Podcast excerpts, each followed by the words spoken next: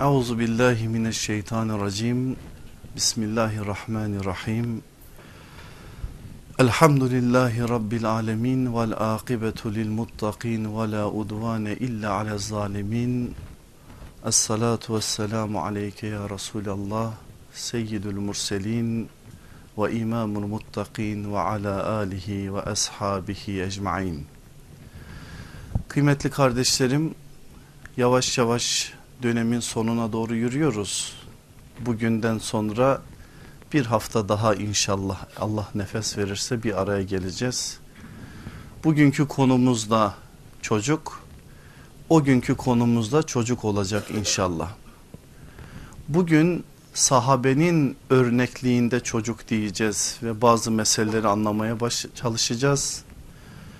Son dersimizde ise hepimizin ortak bir derdi var. O derdi konuşacağız. Çocuklarımızı nasıl namaza alıştırırız başlığı altında dinin direği olan namazın onların hayatlarına intikali adına inşallah yine asr-ı saadet örnekliğinden bir şeylerle yürümeye çalışacağız. Çocuklarımız büyük bir nimet Allah'ın bize bahşettiği e dedi ki nimetin değeri arttıkça külfeti de artar. Ağır bir emanet, emanetin kıymeti arttıkça sorumluluğu da artar. Dolayısıyla biz böyle bir mükellefiyetle, sorumlulukla karşı karşıyayız. Hal böyle olunca söylediğimi bir daha söylüyorum. Değil 10 ders, 50 ders yapsak bile çocuklarımız için az. Çünkü başka derdimiz yok ki bu manada bizi bu kadar meşgul edebilecek ve bize bu manada bu kadar mükellefiyet yükleyecek. Hal böyle olunca ara ara hatırlama adına da bazı şeyleri birbirimizin dünyasına bir şekliyle telkin etmek sorumluluğumuz var. İnşallah bu dersler bir yönüyle onun vesilesi. Ben asıl konumuza geçmeden konumuzla yakından alakadar olan bir mevzuya sizi götürmek istiyorum. Şöyle bir soru soralım isterseniz o mevzuya girerken neden biz sahabenin örnekliğine ihtiyaç duyuyoruz? Dersimizin başlığı neydi? Sahabenin örnekliğinde çocuk eğitimiydi. O halde o örnekliğin değer ve kıymetini anlama adına bu soruyu sormak durumundayız. Neden biz sahabenin örnekliğine ihtiyaç duyuyoruz? Cevabını asr-ı saadetten vereceğim size. Bir tablo üzerinden bir cevap vereceğim. Sonra da oradan alacağımızı alarak bugünkü asıl konumuzun üzerine geleceğim. Hicretin 10. yılı Allah Resulü aleyhissalatü vesselam 30 bin kişilik büyük bir orduyla Tebuk'a doğru gidiyor. Biliyorsunuz 780 kilometrelik bir mesafe Kur'an'ın da ifadesiyle zorluk ordusu zorluk seferinde büyük bir imtihanla adım adım belirlenen hedefe doğru gidiyor. Belirlenen yerde konaklanılıyor. Düşman Müslümanların karşısına çıkmaya cesaret bulamıyor. Müslümanlar bir miktar orada Efendimiz aleyhissalatü vesselamın rehberliğinde konaklıyorlar. Belirlenen günde de yeniden geri dönmek için yola revan oluyorlar. Yolun bir yerinde dönüş yolunda Abdullah İbni Ömer'in bize naklettiği bir rivayet bazı hadis kitaplarında nakleden Abdullah İbni Amr diye de gösterilir ama Abdullah İbni Ömer olma ihtimali daha fazla. Onun bize naklinin üzerinden bir şey öğreniyoruz. Müslümanlar dönüş yolunda konakladıkları bir anda nereden geldiğini tam olarak anlayamadıkları çok böyle insanı sarsan bir ses duyarlar ve o sesi duyunca sahabe ordusu biraz korkuya kapılır. O farklı bir paniğe yol açar. İnsanlar bir yerlere kaçmaya başlarlar. Herkes o andaki dehşetle ne yapacağını şaşırmış bir halde iken Abdullah İbni Ömer'in nakli oradan başlar. Der ki öyle bir haldeyken ben de ne yapacağımı bilmezken şöyle bir baktım ki meydanın orta bir yerinde Bedir ashabından olan Salim Mevla Ebi Huzeyfe kılıcı elinde şöyle kılıcına doğru yaslanmış hiçbir şey yapmadan meydanda öyle duruyor. Kendi kendime dedim ki Abdullah koş o salih adamın yanında dur. Vallahi o Bedir ashabındandır. Eğer öyle duruyorsa vardır bir bildiği sen de var onun yanı başında aynı şekilde dur. Ben diyor gittim onun yanı başında öylece durdum. O anda sallallahu aleyhi ve sellem çadırından çıktı. Çadırından çıkınca şöyle bir baktı koşup panikleyen İslam askerlerine biraz da gadaplanan bir ses tonuyla size ne oluyor ki dedi.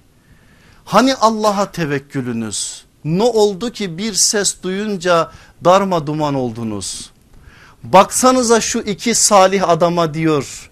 Salim Mevla Ebu Huzeyfe ile Abdullah İbni Ömer'i gösteriyor.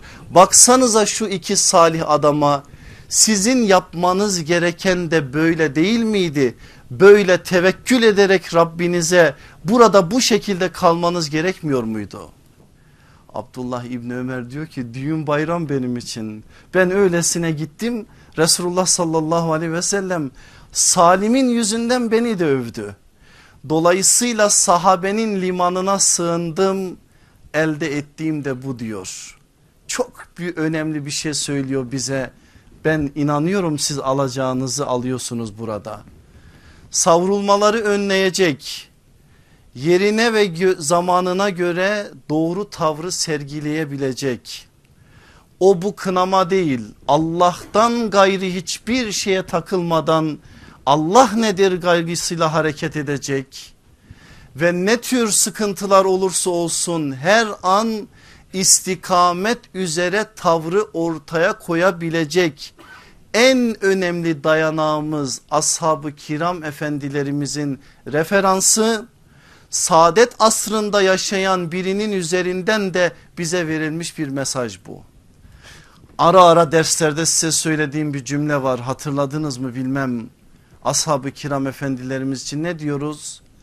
Onlar bizler için sarsıntı içerisinde olanlar için sabit dağlar.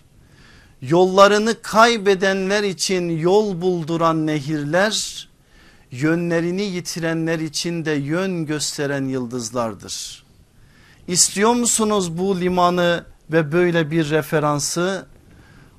Kapısından ayrılmayacağınız mektep en güzel örneğin en güzel örnekleri olan ashab-ı kiram efendilerimizin kapısı. Allah bizi o kapıdan ayırmasın. Bizim çığlığımız, bizim söylemimiz, bizim sedamız ne nostaljiye bir çağrıdır, ne mitolojiye bir çağrıdır, ne efsaneye ne farklı bir şeye bir çağrıdır.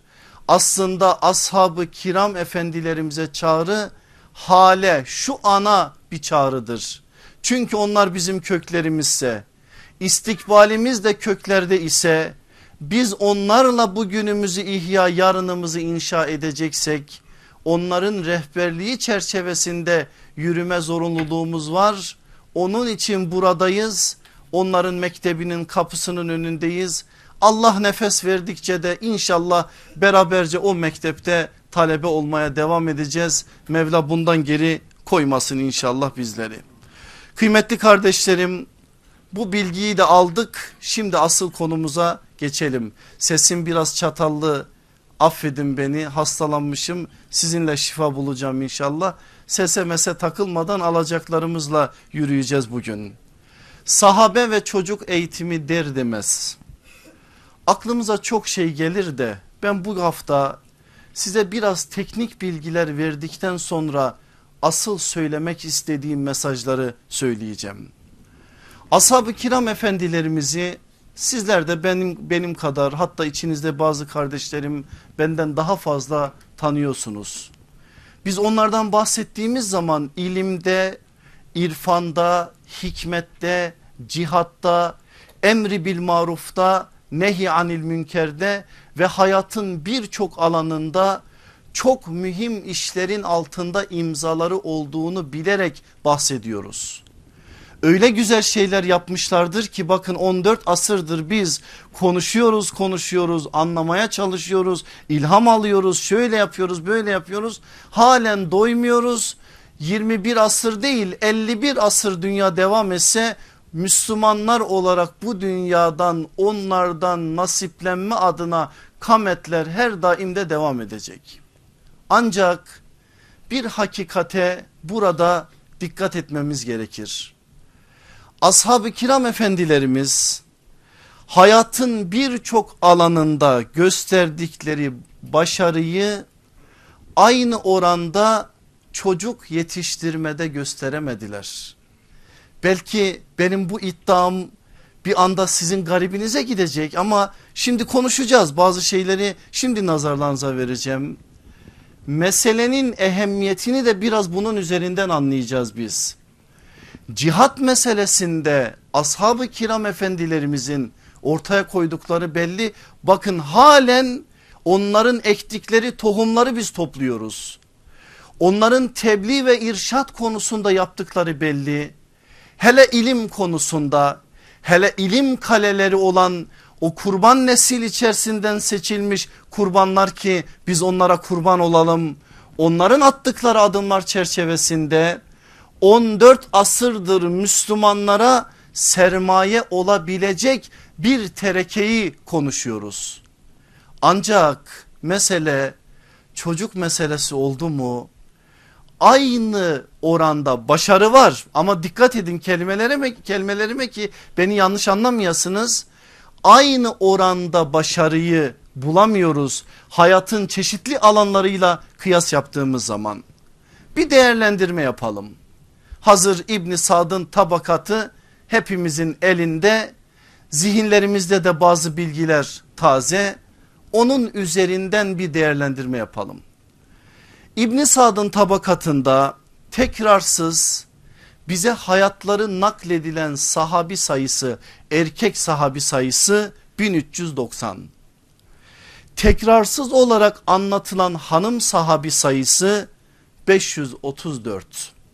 Yani toplamda İbn Saad'dan biz 1924 tane tekrarsız sahabi hayatı okuyoruz. Tekrarlı tekrarsız ifadesini İbn Sad'ı okuyanlar anlayacaklar ne demek olduğunu. Mesela İbn Sad sahabi anlatırken bir de coğrafya coğrafya anlattığı zaman Kufe'deki sahabileri anlattığı zaman Medine'de anlattığı bir sahabiyi Kufe'de de anlatır. Çünkü coğrafya coğrafya sınıflandırmıştır. İşte burada biz o tekrarları çıktığımız zaman 1390 erkek 534 kadın 1924 tane sahabi efendimizin hayatını okuyoruz. 1390 erkek sahabinin 45 tanesi de çocuk sahabilerden oluşuyor. Onlar müstakil bir baptır zaten. Efendimiz aleyhissalatü vesselamı çocukken görüp o nübüvvet sofrasına yetişenler de öyle bir başlık altında değerlendirilir. Ancak 1390 sayısının içerisinde onlar da var. Peki tabi'in ve tebe-i tabi'in faslına gelelim. Biliyorsunuz İbn Sad 3 nesli bize aktarıyor. En hayırlı ikinci nesil tabi'in, üçüncü nesil etbai tabi'in peygamber sallallahu aleyhi ve sellemin verdiği bir haber üzerinden biz alıyoruz zaten bu bilgiyi. İbn Sad bize 1929 tane erkek tebe-i tabiinin affedersiniz tabiin ve etbai tabiinin ikisi beraber şahsın hayatını anlatır. 83 tane de kadın vardır ikinci ve üçüncü nesilden onun toplamı da 2012'dir. Soru şu bizim için önemli olan bu 2012 tane tabiin ve etbai tabiin neslinden kaç tanesi sahabe çocuğudur? Bu önemli bir soru. Şimdi buradan bir şey yakalıyoruz. Ne kadarı biliyor musunuz? Neredeyse yüzde kırkı yani 500 tanesi. O kitaplar tarihte ağırlığı olan bir şekliyle değeri olan bir şekliyle tarihte belli hadiseler içerisinde adından söz ettiren isimleri bize aktarıyorlar. Her ismi değil sadece ashab-ı kiram efendilerimizin on bini aşkın ismini bildiğimiz sahabi efendilerimizin çocuklarından bize nakledilen miktar sadece 500 tanedir İbni Sad'ın aktardığı çerçevede. İbni Hacer'e baksak biraz daha farklı bir şey görürüz. İbnül Esir'e baksak biraz daha farklı bir şey görürüz. Biz çalışmamızı İbni Sad'la sınırlandırıyoruz. Tabakatta zikredilen Medineli tabi'in sayısı 889. Bunların ancak yüzde 40'ı yani 350-400'ü sahabi çocuğu. Ama Mekkeli tabi'in sayısı 131, Taifli tabi'in sayısı 21, Yemenli tabi'in sayısı 34. Bunlar aklınızda dursun. Şimdi de şu manzaraya bakın. O günlerde Kufe'de, Basra'da, Bağdat'ta bambaşka bir tablo var. Kufe'deki tabi'in sayısı 894. Basra'da 435, Bağdat'ta 165, Şam'da 138. Sadece bunların tamamının içerisinde ashab-ı kiram efendilerimizin çocuklarının miktarının yüzde 40 olduğunu unutmayın.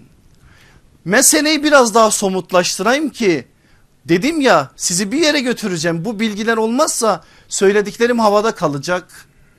Aşere-i mübeşşere diyeyim size. Aşere-i mübeşşere dediğim zaman neyi kastetmiş oluyorum? Ashab-ı kiram efendilerimizin fazilet derecesi itibariyle en üstte olan on bahtiyar Efendimiz sallallahu aleyhi ve sellemin mübarek diliyle cennetle müjdelenen on bahtiyar. Peki Efendimizin sadece cennetle müjdelediği bu on kişi mi? Hayır. Ama bu on kişinin çok özel bir nedeni var. Onun için aşere-i mübeşşere. Yoksa aşere-i mübeşşere dediğimiz anda diğer cennetle müjdelenen sahabileri dikkatten kaçırıyor değiliz. Ama Said İbni Zeyd'in bize verdiği bilgiye göre Resulullah sallallahu aleyhi ve sellem bir gün mescide girdi ve başladı saymaya. Ebu Bekir fil cenne, Ömer fil cenne, Osman fil cenne ila ahir 9 tane isim saydı. Ravi Said İbni Zeyd'dir. Onunu cennetle müjdeledi dedi. 9 tane isim saydı. Dinleyenler dikkatli. 9 isim saydın dediler. Çekine çekine onuncusu da benim dedi kendisini de o halkanın içerisinde saymış oldu. Şimdi o 10 tane bahtiyar insan üzerinden size bir değerlendirme sunacağım. Hazreti Ebu Bekir biraz sonra ayrıntıları var. Üç oğlu üç kızı var tarihte. Sahabe olmayanları dikkate almamız gerekiyor. Çünkü sahabeyi ayrı değerlendirdik. Bu altı çocuktan sahabe olmayan iki tanedir.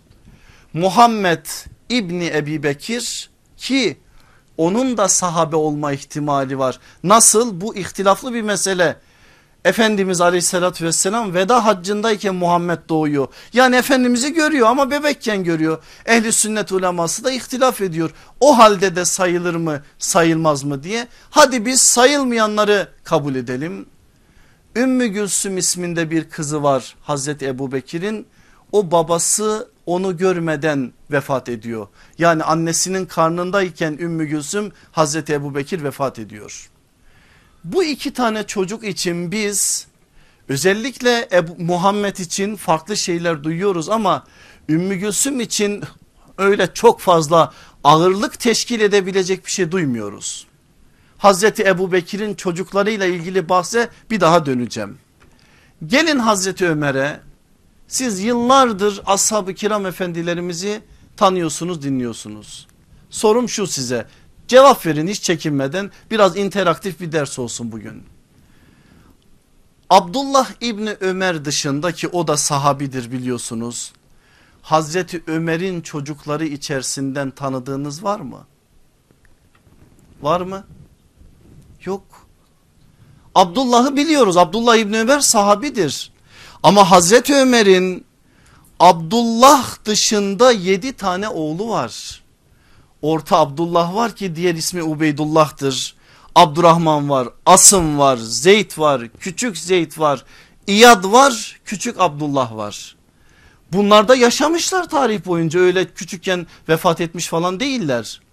Ama Hazreti Ömer'in çocukları içerisinde Abdullah İbni Ömer sahabi onu ayırdık. Diğerleri içerisinde tarihte ciddi bir ağırlık oluşturabilecek bir isme rastlamıyoruz. Belki bu manada araştırma yapanlar hayatlarına ait bazı bilgiler bilirler ama mesela biz tabi'in neslinden duyduğumuz isimler kadar onların isimlerini duymuyoruz. Mesela ben size bir ikrime dediğim anda titrersiniz. Bir mesruk dediğim anda titrersiniz. Bir Hasan-ı Basri dediğim anda titrersiniz. Ama onların adını andığımız zaman ancak şerefleri babalarının oğlu olmakla bir şekliyle ziyadeleşir. Eğer biraz da işin içine dahil olursanız bazı şeyler öğrenebilirsiniz. Hazreti Osman'a gelin. Hazreti Osman'ın çocukları içerisinde biraz duyduğumuz o da siyerle ilgili olanların duyduğu bir isim söyleyeceğim. Eban bin Osman. Ama Hazreti Osman'ın Abdullah'ı saymıyorum. Rukiye anamızdan olan oğlu. Onu da sahabi sayabiliriz. Zaten küçükken vefat etmiştir. 9 oğlu var Abdullah'la beraber. Abdullah'ı saymasak 8 Ömer, Halid, Velid, Said, Abdülmelik, Utbe, diğer Abdullah ve Eban. Hazreti Ali'ye gelin Hazreti Ali'yi de söyleyeyim size. E diyeceksiniz ki Hasan var Hüseyin var onları saymıyoruz onlar nedir? Sahabidir. Zeynep de Ümmü Gülsüm'de. Hazreti Ali'nin Fatma validemizin dışında evlilikleri var çocukları var. Onlardan olan çocuklar 11 tane sadece erkekler bunlar şimdiye kadar saydıklarım da öyleydi. Biraz Muhammed el Hanefiye'yi tanıyoruz. Onun dışında bildiğimiz ya da bir şekliyle hayatına ait bazı bilgilere vakıf olduğumuz isim yok. Hazreti Peygamber'in havarisi olan ve halasının oğlu olan Zübeyir bin Avvam'a gelin. Abdullah İbni Zübeyir'i saymıyoruz sahabi zaten. 10 tane oğlu var. İçlerinden Urve İbni Zübeyir'i biraz biliriz. Mus'ab da bir devdir zaten onu da biraz biliriz ama başkasını bilmeyiz. Daha fazla uzatmayayım sözü sadece sayıları vereyim. Hazreti Talha'nın 10, Abdurrahman İbn Af'ın erkek adam 20, Sad bin Ebi Vakkas 18, Ebu Ubeyde 2, Said İbni Zeyd 12 erkek çocuğunun babaları. Kızları da saysak bu kadar olmasa buna yakın oranda kız çocukları da var. Yani kiminin 5 tane kiminin 8 tane kiminin 12 tane biz kızlarla sınır, erkeklerle sınırlı tuttuk. Bu değerlendirmenin üzerinden bir değerlendirme şimdi söylüyorum size. Yeryüzünün en hayırlı nesli olan sahabe bile istedikleri kıvamda çocuk yetiştiremediler. Bir daha söylüyorum. Yeryüzünün en hayırlı nesli olan sahabe nesli istedikleri kıvamda çocuk yetiştiremediler. E hocam ne diyorsun yani oturalım mı diyorsun? Hayır onu demiyorum. Asıl başka bir şeye dikkatinizi çekiyorum. Mesele bu kadar önemli ve ağır bir mesele. Zor. Zorluğunu bilelim ki o zorluğunun üzerinden biraz nasıl diyelim argo olsun bir şey olmaz gardımızı alarak yürüyelim. Bakın biraz basit bir örnek vereyim ki derdimi daha iyi ifade edeyim size. Şu günler oruç günleri nafile oruçların ziyadeleştirilmesi gereken günler. Çünkü Mevla'nın ikramiyesi olan güzel ayları içe, içerisindeyiz. Recep-i Şerif yavaş yavaş yerini Şaban'ı muazzamaya bırakacak. İnşallah oruçlarla süslüyoruzdur bu güzel günleri. Oruca niyetleniyorsunuz bu yaz günlerinde uzun 12-13 saat. Siz kendinizi oruç üzere bilinçlendirdiğiniz ve hazırladığınız için 13 saat 14 saat oruç tutuyorsunuz hiç sıkıntı yok. Ama niyetlenmiyorsunuz o gün geliyorsunuz oruçlu değilsiniz. Öğlene kendinizi zor atıyorsunuz. Takatiniz kesiliyor açlıktan saat 1-2 olmadan. E ne oldu beden aynı beden zaman daha kısıtlı ne oldu ne değişti? İşte orada bilinç ışıklarını yakma veya da yakmama adına bir şey değişti. Eğer bilinç ışıklarını yakarsanız yani kendinizi bu manada ruhi anlamda manevi anlamda bilinç anlamında hazırlarsanız sizin elde edeceğiniz yük ne kadar ağırlaşırsa ağırlaşsın siz ona hazırlıklı olduğunuz için yük ağırlaştıkça altında ezilmiyor onu hakkıyla taşıyorsunuz. Ama siz bunun farkına varmazsanız çocuk ne olacak işte deyip işin içinden çıktığınız zaman bazı şeyleri gereğince dikkate almadığınız zaman Allah korusun yarı yollarda kalıyorsunuz kalıyoruz. İşte kalmama adına ben bu bilgiyi paylaştım sizlerle. Aslında biz meselenin bu manada ehemmiyetini öğrenelim. Ne kadar ağır bir mükellefiyetle karşı karşıya olduğumuzun bilincinde olalım ki karşılaştığımız sorunlarda ortalığı velveleye vermeyelim. Bu işin tabiatı diyelim. Hazır olsaydın diyelim. Faturayı ona buna değil kendimize keselim. Bir manada muhasebe duygusunu öncesine alarak hazırlıklı bir biçimde bu işi hakkıyla yerine getirmiş olalım. Söylediğim bu bilinçler bu bilgiler çerçevesinde beş tane cümle paylaşıyorum şimdi sizinle. Ashab-ı kiram efendilerimiz bu bilgiler çerçevesinde bize ne demiş oldular? Bir, çocuk eğitimi sahabenin bile zorlandığı bir alandı. Bunu anladık mı bu bilgiler çerçevesinde? Anladık. Çocuk eğitimi sahabenin bile zorlandığı bir alandı. İki, çocuk eğitimi peygamberin iklimine zemin olmuş Medine'de bile kolay değildi. Çok önemli şeyler söylüyorum size İnşallah alıyorsunuzdur. Çocuk eğitimi peygamberin iklimine zemin olmuş Medine'de bile kolay değildi. 3. Çocuk eğitimi miladi 6. ve 7. asrın bile en ağır imtihanı idi. Deme sakın söyleme ki şu devirde çocuk yetiştirmek zor. Bak sana ne diyorum çocuk eğitimi miladi 6. ve 7. asrın bile en ağır imtihanıydı. 4 çocuk eğitimi yapılabilecek her türlü iş ortaya konduktan sonra bile neticesi olmayabilecek bir işti. Allah bilir nasip meselesi netice olmayabilir. 5 çocuk eğitimi sabır ve sebat isteyen büyük bir sorumluluk ve ağır bir vazife idi. Bu beş maddeyi sona doğru biraz daha farklı bir biçimde bir daha tekrar edeceğim için tekrar etmiyorum. Şimdi benim aziz kardeşlerim size iki tane örnek vereyim. Şahıslar üzerinden daha iyi mesele anlaşılıyor. Bunlar üzerinden şimdiye kadar söylediklerimde bazı söyleyemediklerimi de en azından örnekler çerçevesinde daha iyi anlayacağız. Çok iyi tanıdığınız bir sahabi efendimizden bir örnek vereceğim herhalde hiç tanımadığınız bir sahabe efendimizden örnek vereceğim. Örnekleri de özellikle öyle seçtim. Çok iyi tanıdığımız sahabe efendimiz kim? En üste ismini yazacağımız insan desem kim diyeceksiniz? Hazreti Ebu Bekir radıyallahu an. Evet onu örnek vereceğim. Bir de Gaylan İbni Seleme'yi örnek vereceğim. Eğer asrı saadette ticaret ve tüccar sahabiler kitabını dikkatlice okumuşsanız bu ismi hatırlayacaksınız. Orada bir liste vermiştik o listenin içerisinde bu sahabi efendimizin de ismi vardı. Gaylan İbni Seleme. İkincisinden başlayalım biraz da tanıtayım onu sizlere.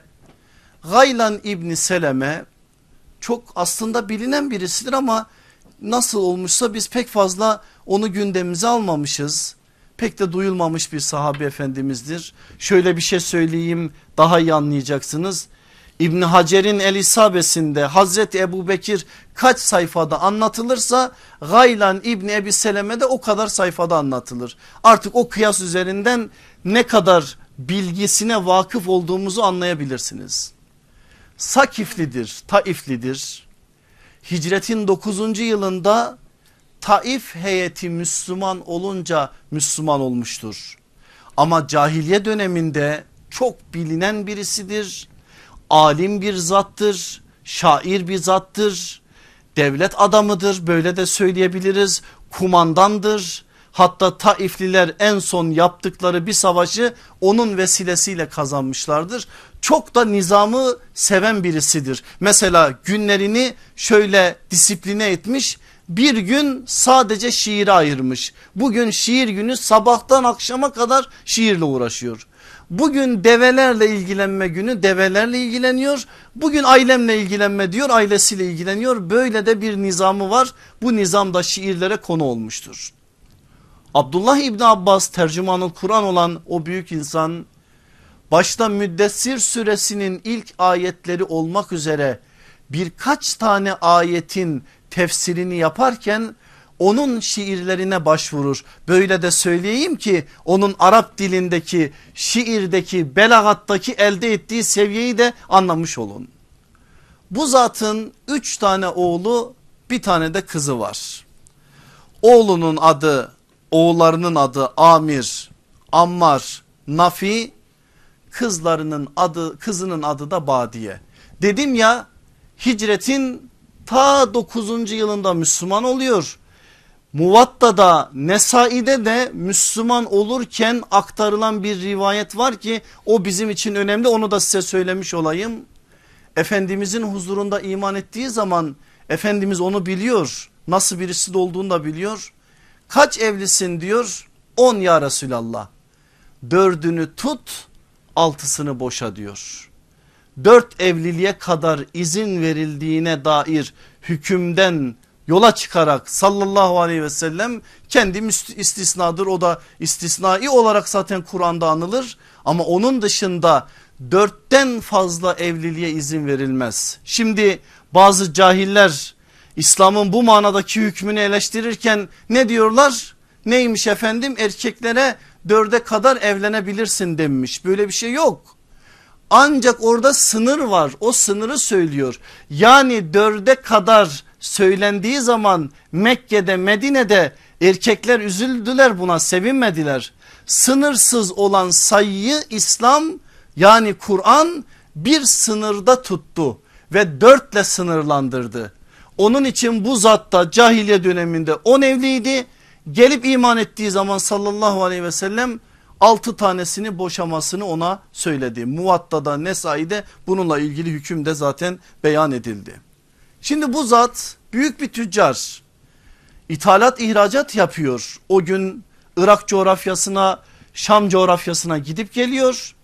İbni Hacer'in El İsabesinde de zaten o ticaret 2-2,5 sayfa civarında anlatılır. Ben tamamını anlatmayacağım biraz özetleyeceğim. Oradan da bir şey çıkaracağız biz. İçlerinde Ebu Sufyan'ın da olduğu bildiğiniz meşhur Ebu Sufyan'ın da olduğu Mekke'nin ileri gelen tüccarlarıyla beraber Kisra'ya doğru yani Sasani İmparatorluğu'na doğru Irak coğrafyasına doğru bir ticari sefere çıkıyorlar. Yolun bir yerinde Sasani İmparatorluğu'nun askerleri tarafından tutuklanıyor.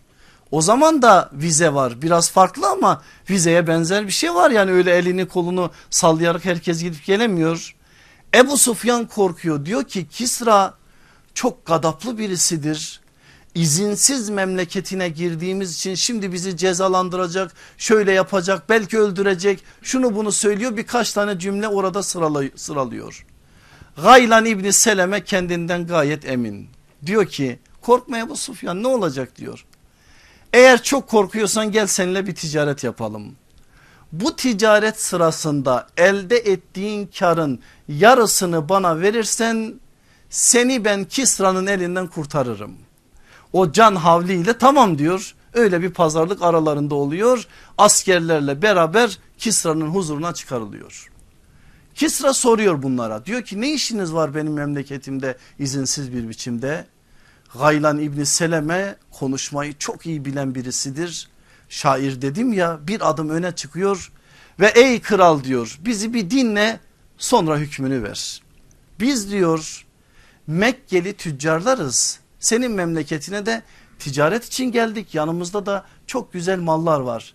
Hatta o malları ilk olarak sana göstermeye geldik. Sen bak hangisini istersen senin istediğin fiyatla al. Senin almadığını da eğer izin verirsen tebana satalım. Yok eğer izin vermezsen çıkıp gidelim memleket senin memleket söz senin sözün hüküm senin hükmün hiçbir şekilde itiraz etmeyiz diyor. O kadar hekimane bir biçimde hikmetle konuşuyor ki Kisra bayılıyor.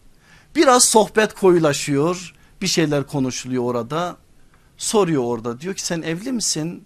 Bakın oraya kadar gelmiş sohbetin konusu artık düşünün evliyim diyor. Var mı çocuk? Üç tane var diyor. Üç tane oğlum var. Hangisini daha çok seviyorsun? Ne demiştir? Ben size ihtimalleri sıralayayım. Büyüğünü, ortancısını, küçüğünü, hepsini, hiçbirini. Bunların hiçbiri değil. Bir ah çek, çekiyor Seleme, e, Gaylan İbni Seleme bir ah çekiyor şöyle Sonra dediğini aynen okuyayım size. Diyor ki büyüyünceye kadar küçüğünü, iyileşinceye kadar hasta olanını, dönünceye kadar da gurbette olanını severim. Bir gülüyor Kisra bu sözlere. Orada verilen cevap da çok güzeldir, çok farklıdır. Ondan sonra da bir şey söylemiyor zaten salı veriyor onlar da ticaretlerini yapıyorlar. Gaylan'da baya bir karla dönüyor Ebu Sufyan'ın karının yarısını da alıyor. Benim söylemek istediğim buradan ney? Bakın bir şey söylüyor burada. Üç tane çocuğundan aslında razı değil. Biz de aynı şeyleri söylüyoruz. Hani bazen diyoruz ya sinirlendiğimiz zaman üç tanenizi toplasanız bir tane adam etmezsiniz diyoruz çocuklarımıza. Bazen diyoruz ki sizden adam çıkmaz. Eğer iyiyse yani böyle iyi bir şey yapmışsa babasının oğlu ne olacak diyoruz. Ama kötü bir şey yapmışsa fatura belli kime kesilecek. Dayısının yeğeni ne olacak diyoruz. Bir şeyler diyoruz. Ne dersek diyelim bilin ki miladi 6. asırdaki insanlar da aynısını diyor. Değişen hiçbir şey yok bu manada. Çünkü insan bu. Karşılaştığı sorunlara karşı tavırları da aynı, söylediği sözler de aynı, tepkiler de aynı. Bakın Gaylan İbni Seleme'nin üzerinden biz bunu alıyoruz. Başka şeyler de söylenir ben onu size havale ediyorum. Hazreti Ebu Bekir'e getireyim sizi. Şöyle bir şey söylesem bu sözde hilaf yok. Gerekçelerini ve altını da dolduracağım. Hazreti Ebu Bekir'in oğullarından çektiği sıkıntıyı şu anda birçok baba evlatlarından çekmiyor. Anladınız mı bir daha söylememe gerek var mı? Nasıl? Bakın Hazreti Ebu Bekir dört tane evlilik yapıyor hayatı boyunca. İlk evliliğini Kutayla İbni Binti Abdüluzza ile yapıyor. Allah o evlilikten Esma anamızı ki başımızın tacıdır Esma anamız ve Abdurrahman ismindeki erkek çocuğunu nasip ediyor. İkinci evliliğini Ümmü Ruman'la yapıyor ki Efendimizin kayınvalidesidir. Keşke ona onlara zaman gelse de biz size enişte ile kayınvalideyi de anlatsam. Orada da Ayşe, on, o evlilikten de Ayşe annemiz ve geçen ders size anlattığım hicret yolunun istihbaratçısı Abdullah oluyor. Üçüncü evliliğini Cafer bin Ebi Tayyar'ın Cafer-i Tayyar'ın hanımı olan Esma binti Ümeys ile yapıyor Cafer'in şehadetinden sonra. Ondan da Muhammed isminde bir oğlu oluyor.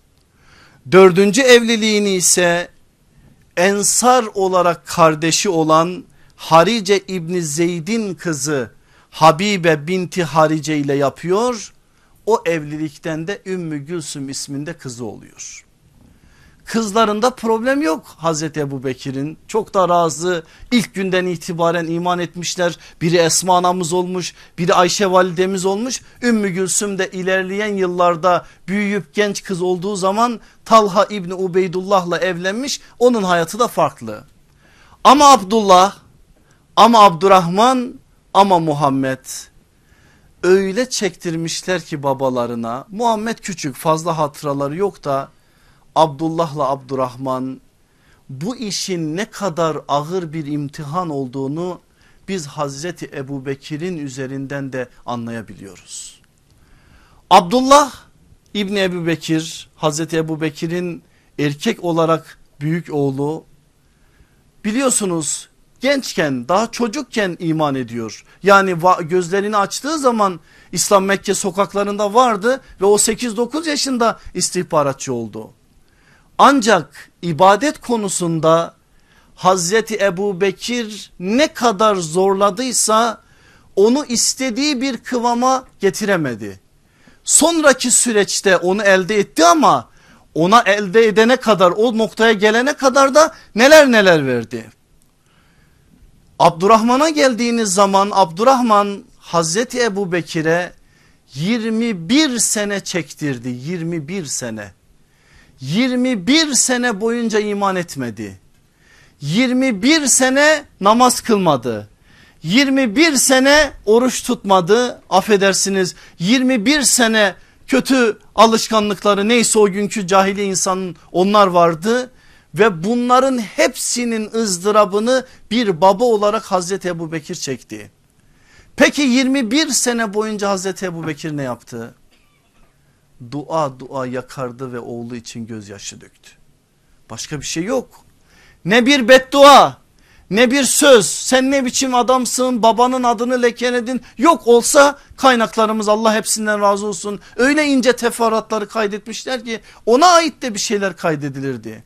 Sadece şunu biliyoruz Bedir'de müşriklerin safında babasının karşısında Abdurrahman o gün birkaç kez babasını görüyor Bedir meydanında babamla karşılaşmayayım deyip yolunu çeviriyor.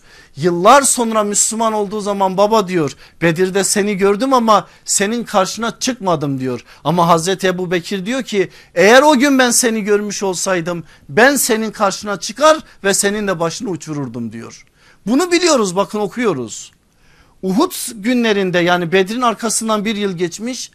Uhud gazvesi sırasında da müşriklerin safında Abdurrahman. Ne zaman iman ediyor? Mekke'nin fethinden sonra dedesi Ebu Kuhafe ile birlikte iman ediyor. O iman şerbetini içtikten sonra Hazreti Ebu Bekir bir derin nefes alıyor. Baba olarak imtihanın en şiddetlisini çekmiş Abdurrahman'ın üzerinden. Ya Abdullah o da aynı fark eden hiçbir şey yok. Namaz konusunda sıkıntıları var Abdullah'ın. Sahabenin çocukları yaşı 14-15 olmuş mesela Ensar'ın yiğitleri anlattım size defaatle. Bedir gazvesi sırasında 9 yaşında 10 yaşında çocuklar parmaklarının ucuna basarak Sukya mescidinin önünde Sukya evlerinin önünde boyumuz yüksek uzun gözüksün de Resulullah sallallahu aleyhi ve sellem bizi Bedir ashabının içerisine katsın diye gayret ederlerken Hazreti Ebu Bekir'in oğlu Abdullah 14-15 yaşlarında evde Bedir günü evinden dışarı çıkmıyor. Uhud gazvesinde de yok. Uhud'a da gelmiyor. Arkadan Hendek yaş oluyor 20-21 yok. Hudeybiye yok. Gelmiyor cihada gelmiyor. Hazreti Ebu Bekir ne kadar zorluyorsa ona bunu bir türlü telkin edemiyor.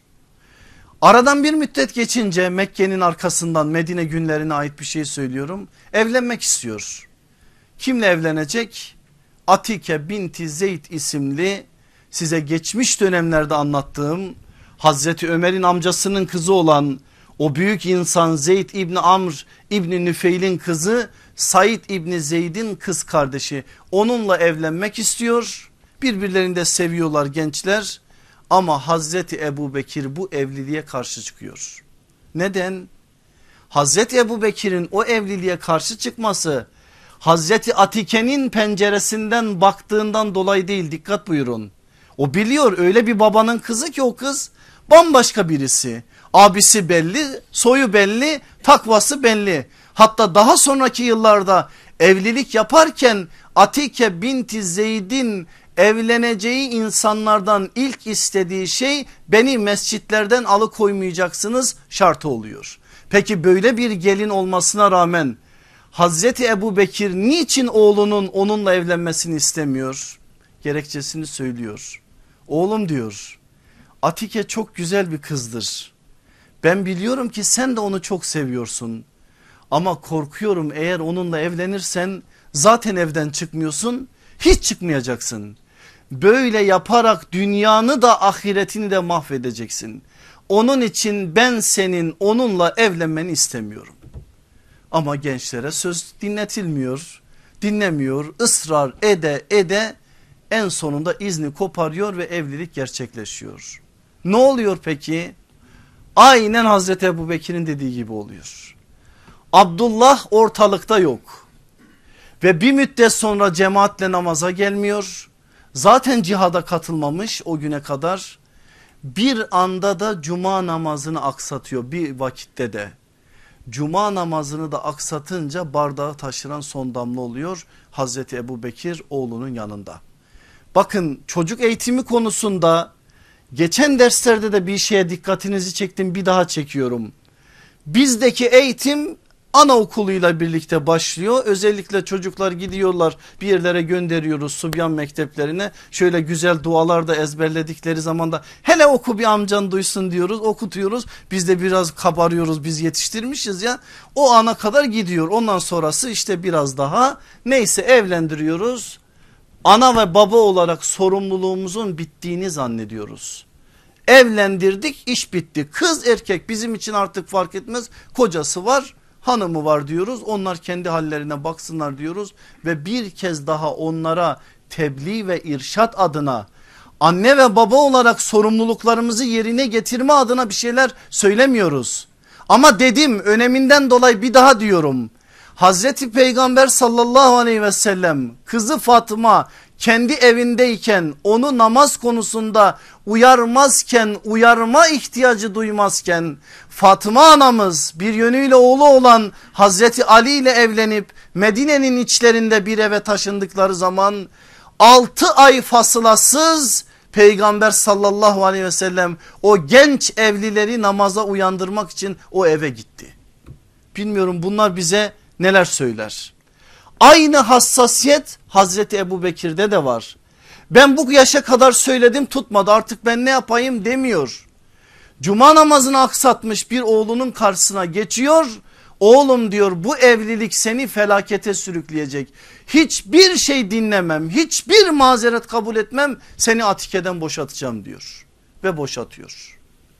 Boşuyor ama yüreğinden derin bir sevgi var Abdullah'ın Atike'ye karşı oturuyor evin eşiğinde şiirler söylüyor. O şiirler var bizim kaynaklarımızda. Neler neler. Baba yüreği bir gün arkasında duruyor öyle bir şiir söylüyor ki yüreği parçalanıyor.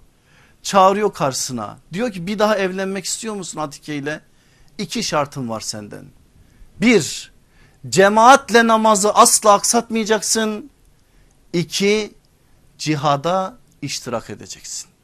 Kabul edersen eğer sana seninle onun evliliğine ben de tekrardan onay veririm diyor. Söz veriyor evlilik gerçekleşiyor. Abdullah gerçekten babasının dediği gibi hem cemaatle namaza hem de cihada katılıyor. Zaten onun arkasındandır. Mekke fethine katılıyor. Yaş 28-29 civarıdır.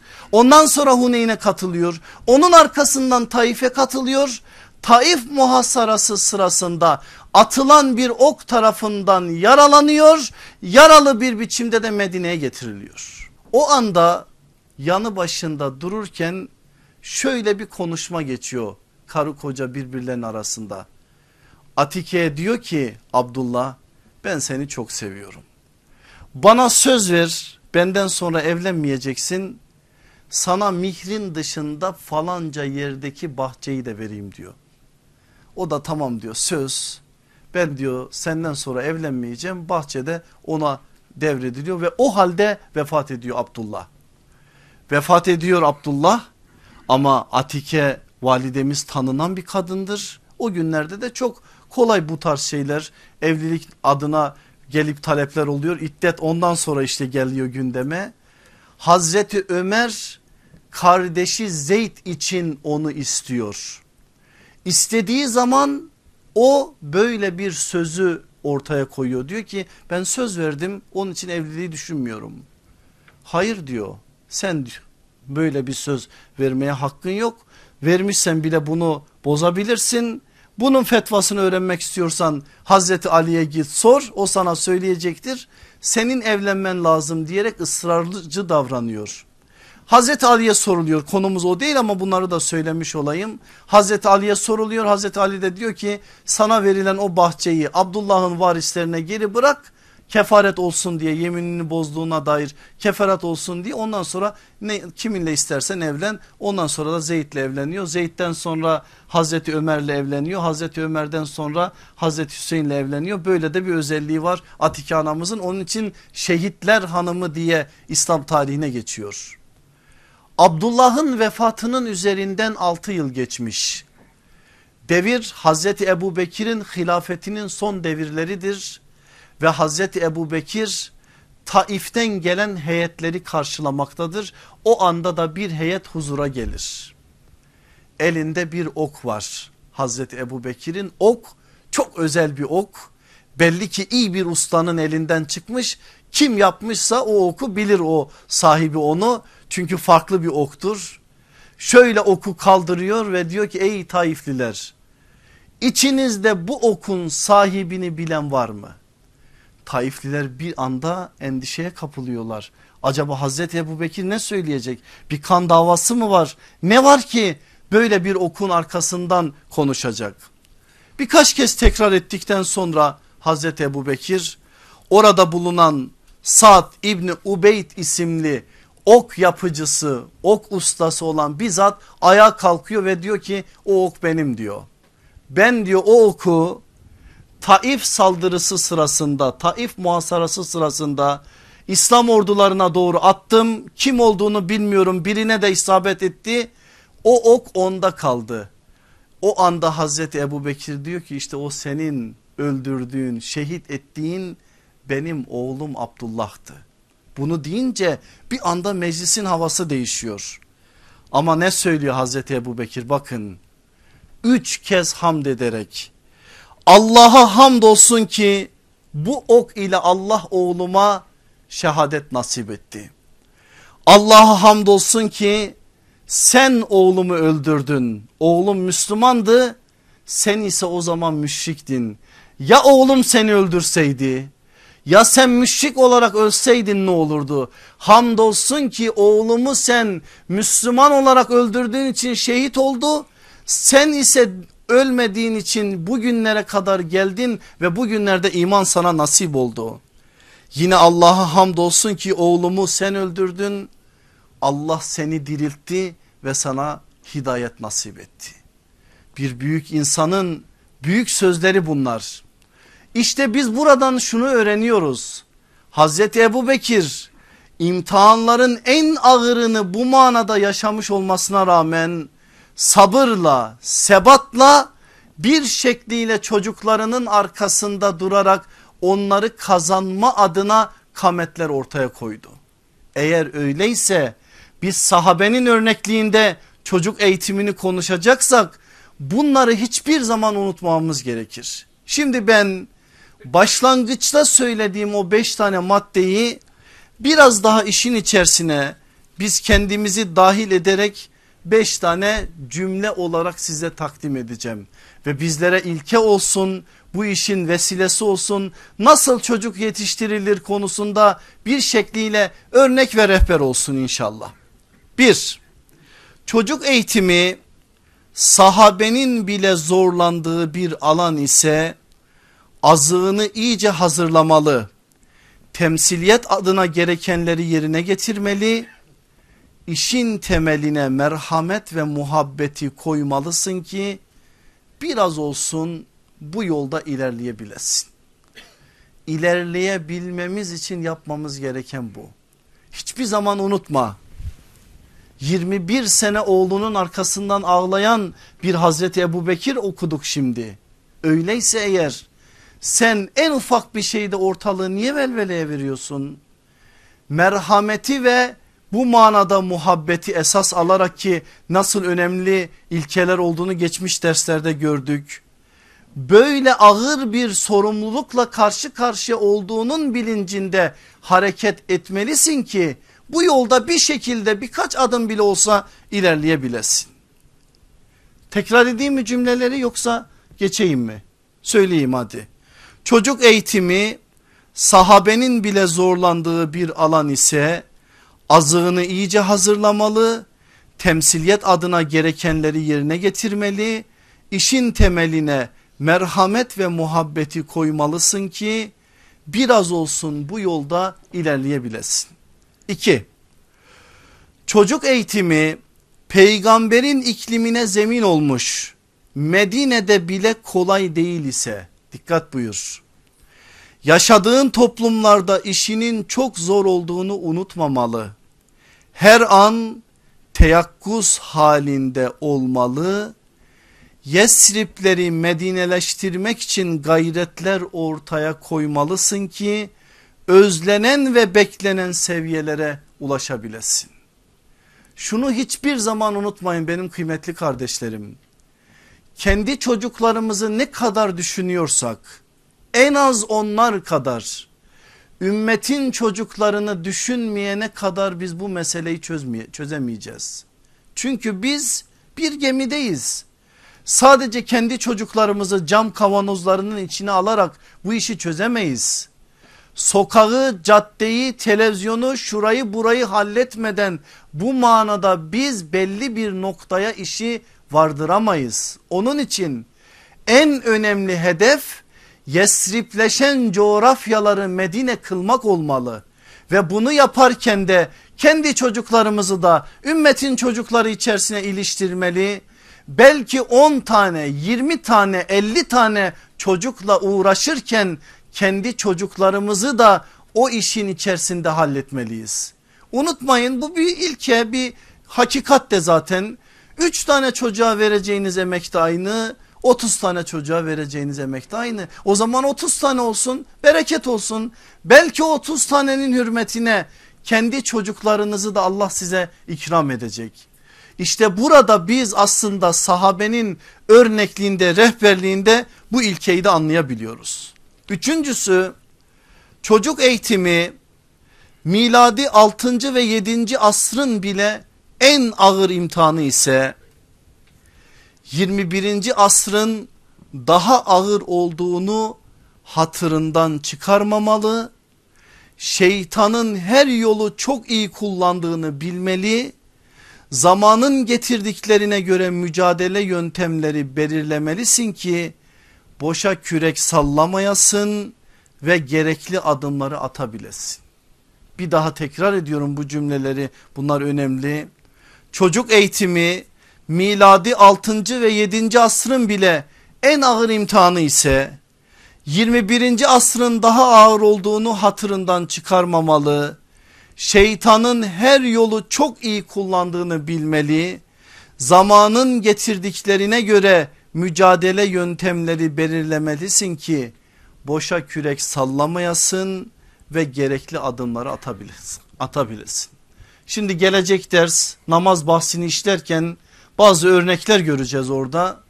Şimdi o örnekleri siz güncellemeden bugünün dünyasına taşıdığınız zaman çocuklarınıza namazı da sevdiremiyorsunuz, namazı da kıldıramıyorsunuz. Eğer kıldırabiliyorsanız sizin yanınızda kılıyor, sizin gözleriniz önünde olmadan kılmıyor. Az bir şey büyüdüğü zaman bileği güçlendiği zaman artık babayla karşı karşıya gelebilecek bir noktaya geldiği zaman onu da yapmıyor. Bunların hepsinin güncellenerek bir şekliyle devri daim olması gerekiyor. Hazreti Ali'nin söylediği o büyük sözü o önemli sözü hiçbir zaman unutmayalım. Çocuklarımızı kendi yaşadığımız zamana göre değil onların yaşayacağı zamana göre yetiştirmek durumundayız. Çünkü bizim zamanımız Geçti işte biz bakın babalarımızın bize söyledikleri şeyleri dinliyoruz ama birçok şeyi yaşamamışız. Biz şimdi çocuklarımıza söylüyoruz. Onlar dinliyorlar ama yaşamamışlar. Nesiller böyle birbirinin arkasına geldikçe şartlar da değişiyor. imtihan araçları da değişiyor. Şeytanın kullandığı silahlar da değişiyor. Sen o silahları kullanmadan onları güncellemeden çocuğa bir şey söylediğin zaman çocuk hikaye dinler gibi dinliyor. Sen ona Er Risale filmini izlettirdiğin zaman orada Hazreti Bilal'in tablosunu onun zihin dünyasında güncellemen gerekir. Çocuğu alıp karşına demelisin ki bak evladım bak oğlum bak kızım miladi 6. asrın Ümeyye İbni Halefleri mücadele ederken ellerinde tahta putlar vardı. Onlar Bilallerin Ammarların karşılarına bu putlarla çıkıyorlardı. Ama şimdiki Ümeyye İbni Haleflerin ellerinde tahta put yok. Şimdiki Ümeyye İbni Halefler başka şeyler kullanıyorlar. Onun için dikkat et. Belki bazen putun elindeki cep telefonu, bazen putun internet, bazen putun televizyon, bazen putun televizyonda izlediğin biri, bazen putun bir ideoloji, bazen putun bir kurum, bazen putun başka bir şey olabilir. Put deyince aklına 14 asır önce gelenler sadece gelmemeli demeliyiz. Bunları onların zihinlerine güncellemeliyiz ki meselenin mücadele noktasında onlar da gerekli olan şeyi yapmış olsun. Ama biz sadece hikaye anlatır gibi bunları anlatırsak çocuk da bekler bir gün gelecek de Allah beni de çölde Hazreti Bilal gibi imtihan edecek ben de ahad diyeceğim işi kurtaracağım. Her gün ahad demesi gereken bir tabloyla karşı karşıya ama o güncelleme olmadığı için onu anlayamadığından dolayı sıkıntılar ve arızalar var. İşte burada söylenen o madde bundan dolayı önemli. Dördüncüsü çocuk eğitimi yapılabilecek her türlü iş ortaya konduktan sonra bile neticesi olmayabilecek bir iş ise esbaba tevessül Allah'a tevekkül dairesinde yürümeli. Beşer olarak elinden geleni yaptıktan sonra elinde elinden gelmeyenler için Rabbinden yardım istemelisin ki yanık sinelerin sahibi olarak rahmete muhatap kılınabilesin. Yaptın mı elinden gelen her şeyi? Yaptın. Bundan emin misin? Eminsen eğer dizlerine vur hiçbir mahsuru yok ama bil ki ne yaparsan yap eğer Allah nasip etmeyecekse etmiyor. Peygamberlerin çocuklarını okuyoruz biz. Ashab-ı kiram efendilerimizin birçoklarının babaları müşrik olarak gittiler. Birçokları da oğullarını kızlarını hidayete taşıyamadılar. Bu nasip işi.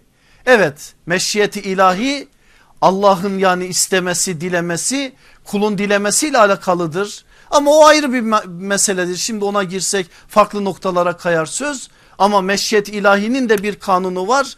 Kulun istemesi ya da kula istetmesi de Allah'ın nasip dairesinde olduğu için sen elinden geleni yaptıktan sonra bu manada sen mazursun. Ama bil ki ne yaparsan yapsan bazen imtihan gereği olmayabilir. Olmazsa eğer ortalığı bu manada da velveleye vermeye gerek yok. Çocuk eğitimi sabır ve sebat isteyen beşinci madde sabır ve sebat isteyen büyük bir sorumluluk ve ağır bir vazife ise bu iki azığı iyice kuşanmalı.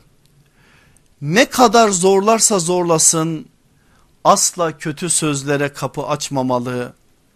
Hazreti Nuh'un bu iş için ölçü olduğunu unutmamalısın ki Kenan'ını kaybetsen bile başka çocuklarını kurtarabilesin. Bu cümleyi de tekrar ediyorum. Çocuk eğitimi sabır ve sebat isteyen büyük bir sorumluluk ve ağır bir vazife ise bu iki azığı iyice kuşanmalı. Ne kadar zorlarsa zorlasın asla kötü sözlere kapı açmamalı. Hazreti Nuh'un bu iş için ölçü olduğunu unutmamalısın ki Kenan'ını kaybetsen bile başka çocuklarını kurtarabilesin. Hazreti Nuh bu işin ölçüsü mü? Ölçüsü. O halde ne yapman gerekir? 950 sene bile seni o çocuk deli etse yine de sen Hazreti Nuh gibi onu kurtarma adına gayret içerisinde olmalısın. Sen bütün gayretini ortaya koydun en son tufan olacak gemiyi alacaksın ya da almayacaksın o noktaya gelse bile son bir canhıraş feryatla o çocuğa el uzatma sorumluluğunun olduğunu bileceksin. Öyle ufak tefek şeylerle evladını reddedeceksin. Ben seni attım diyeceksin beddua edeceksin Allah katında da mazur olduğunu söyleyeceksin. Yok öyle ya ama senin örneğin burada Hazreti Nuh'tur. Seni deli etse bile divane etse bile başını duvarlara vurdursa bile seni gözyaşlarına boğsa bile seni bir şekilde yaka siktirse bile sen bundan başka bir şey yapamazsın. İşte bize ashab-ı kiram efendilerimizin öğrettiği en önemli ilkelerden bir tanesi de bu. Son sözlerimi söylüyorum. Havle binti Hakim bize rivayet ediyor. Diyor Mescid-i Nebevi'deyiz. Hasan ile Hüseyin girdiler içeriye. İkisine de can feda. Öyle de giyinmişler ki insan bakmaya kıyamıyor. Geldiler attılar Efendimizin kollarına kendilerini. Allah Resulü aleyhissalatü vesselam aldı, öptü, kokladı. Sonra dedi ki siz var ya siz sizin yüzünüzden ananız babanız cimriliğe, korkaklığa ve cehalete düşüyorlar.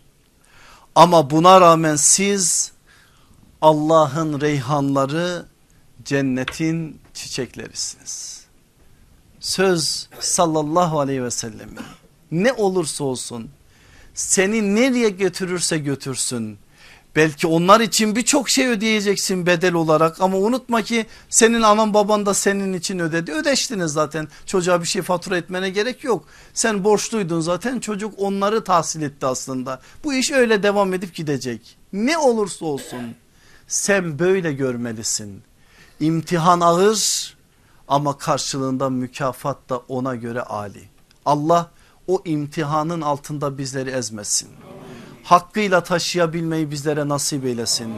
Şu güzel günlerin hatırına şu yarın merhaba diyeceğimiz Recep'in 27'sinin hatırına Allah Resulü aleyhissalatü vesselamın hayatında çok önemli bir hatırası olan miracın hatırına gece yürüyüşü olan İsra'nın hatırına onlarca peygamberin ayak izlerinin bulunduğu Kudüs'ün hatırına bir beşerin varacağı en son nokta olan Sıdretül Münteha'nın hatırına ve oralara varan Hatemen Nebiyin olan sallallahu aleyhi ve sellem Efendimizin hatırına bizlerin çocuklarını kendine bağışlasın. Amin. Ellerini bırakmasın. Amin. Onları her türlü şeytandan şeytanlaşmış insanların şerlerinden muhafaza etsin. Amin. Bizi onlarla onları bizlerle kaldıramayacağımız yüklerle imtihan etmesin. Amin. Eğer bizi imtihanlara gark edecekse imanımızı, ihlasımızı, ihsanımızı bereketlendirsin. Nuh kadar imanımız yok ki biz Kenanları sinemizde saklayalım. Allah öyle ağır imtihanları bizlere yaşatmasın. İmtihanı ağır olan kardeşlerimize yardım eylesin. İmtihanı ağır olan kardeşlerimizin imtihanlarını hafiflesin. Ya Rabbel Alemin ve ya Ekremel Ekremin her miraç geldiği zaman Kudüs'ün acısı yüreğimizde daha da derinleşiyor. Allah'ım bizlere nasip edecek misin özgürce orada ezanı dinleyebilmeyi? Sen bizlere oradaki bir sürü peygamberin ve sahabenin ayaklarının izlerinin hatırına bunu nasip eyle ya Rabbi. Oradaki kardeşlerimizin imanlarını daha da bereketlendir ya Rabbi. Ümmetin namusu olan o güzel insanları o namus bekçiliğinde sen muhafaza eyle ya Rabbi. Onların da ellerini bırakma ya Rabbi. Dünyanın dört bir tarafında şu anda sıkıntılar içerisinde olan kardeşlerimize yardım eyle ya Rabbi. Bosna'daki kardeşlerimize, Soma'daki kardeşlerimize, Suriye'deki kardeşlerimize, Mısır'daki kardeşlerimize adını bilip bilmediğimiz ama la ilahe illallah diyerek bizimle aynı ailenin içerisinde yer alan tüm iman kardeşlerimize yardım eyle ya Rabbi. Mahrum olanlara imanı duyurmayı, imanı ulaştırmayı bizlere nasip eyle ya Rabbi. Sadece bizi söz adamı etme ya Rabbi. İhtiyacımız temsil edebilmek. Eğer biz temsil etseydik bu kadar söze de gerek kalmayacaktı. Allah'ım gerçek manada temsil edebilmeyi bizlere nasip eyle. Hayatlarımızın üzerinden onlara tebliğ ulaştır ya Rabbi. İmanın nurunu İslam'ın nurunu, Kur'an'ın ışığını, sünnetin dirilten iksirini sen bizlere de onların hayatlarına da ulaştır ya Rabbi. Ve sallallahu ala seyyidina Muhammedin ve ala ali seyyidina Muhammed ve ahire da'vanen elhamdülillahi rabbil alemin. El Fatiha.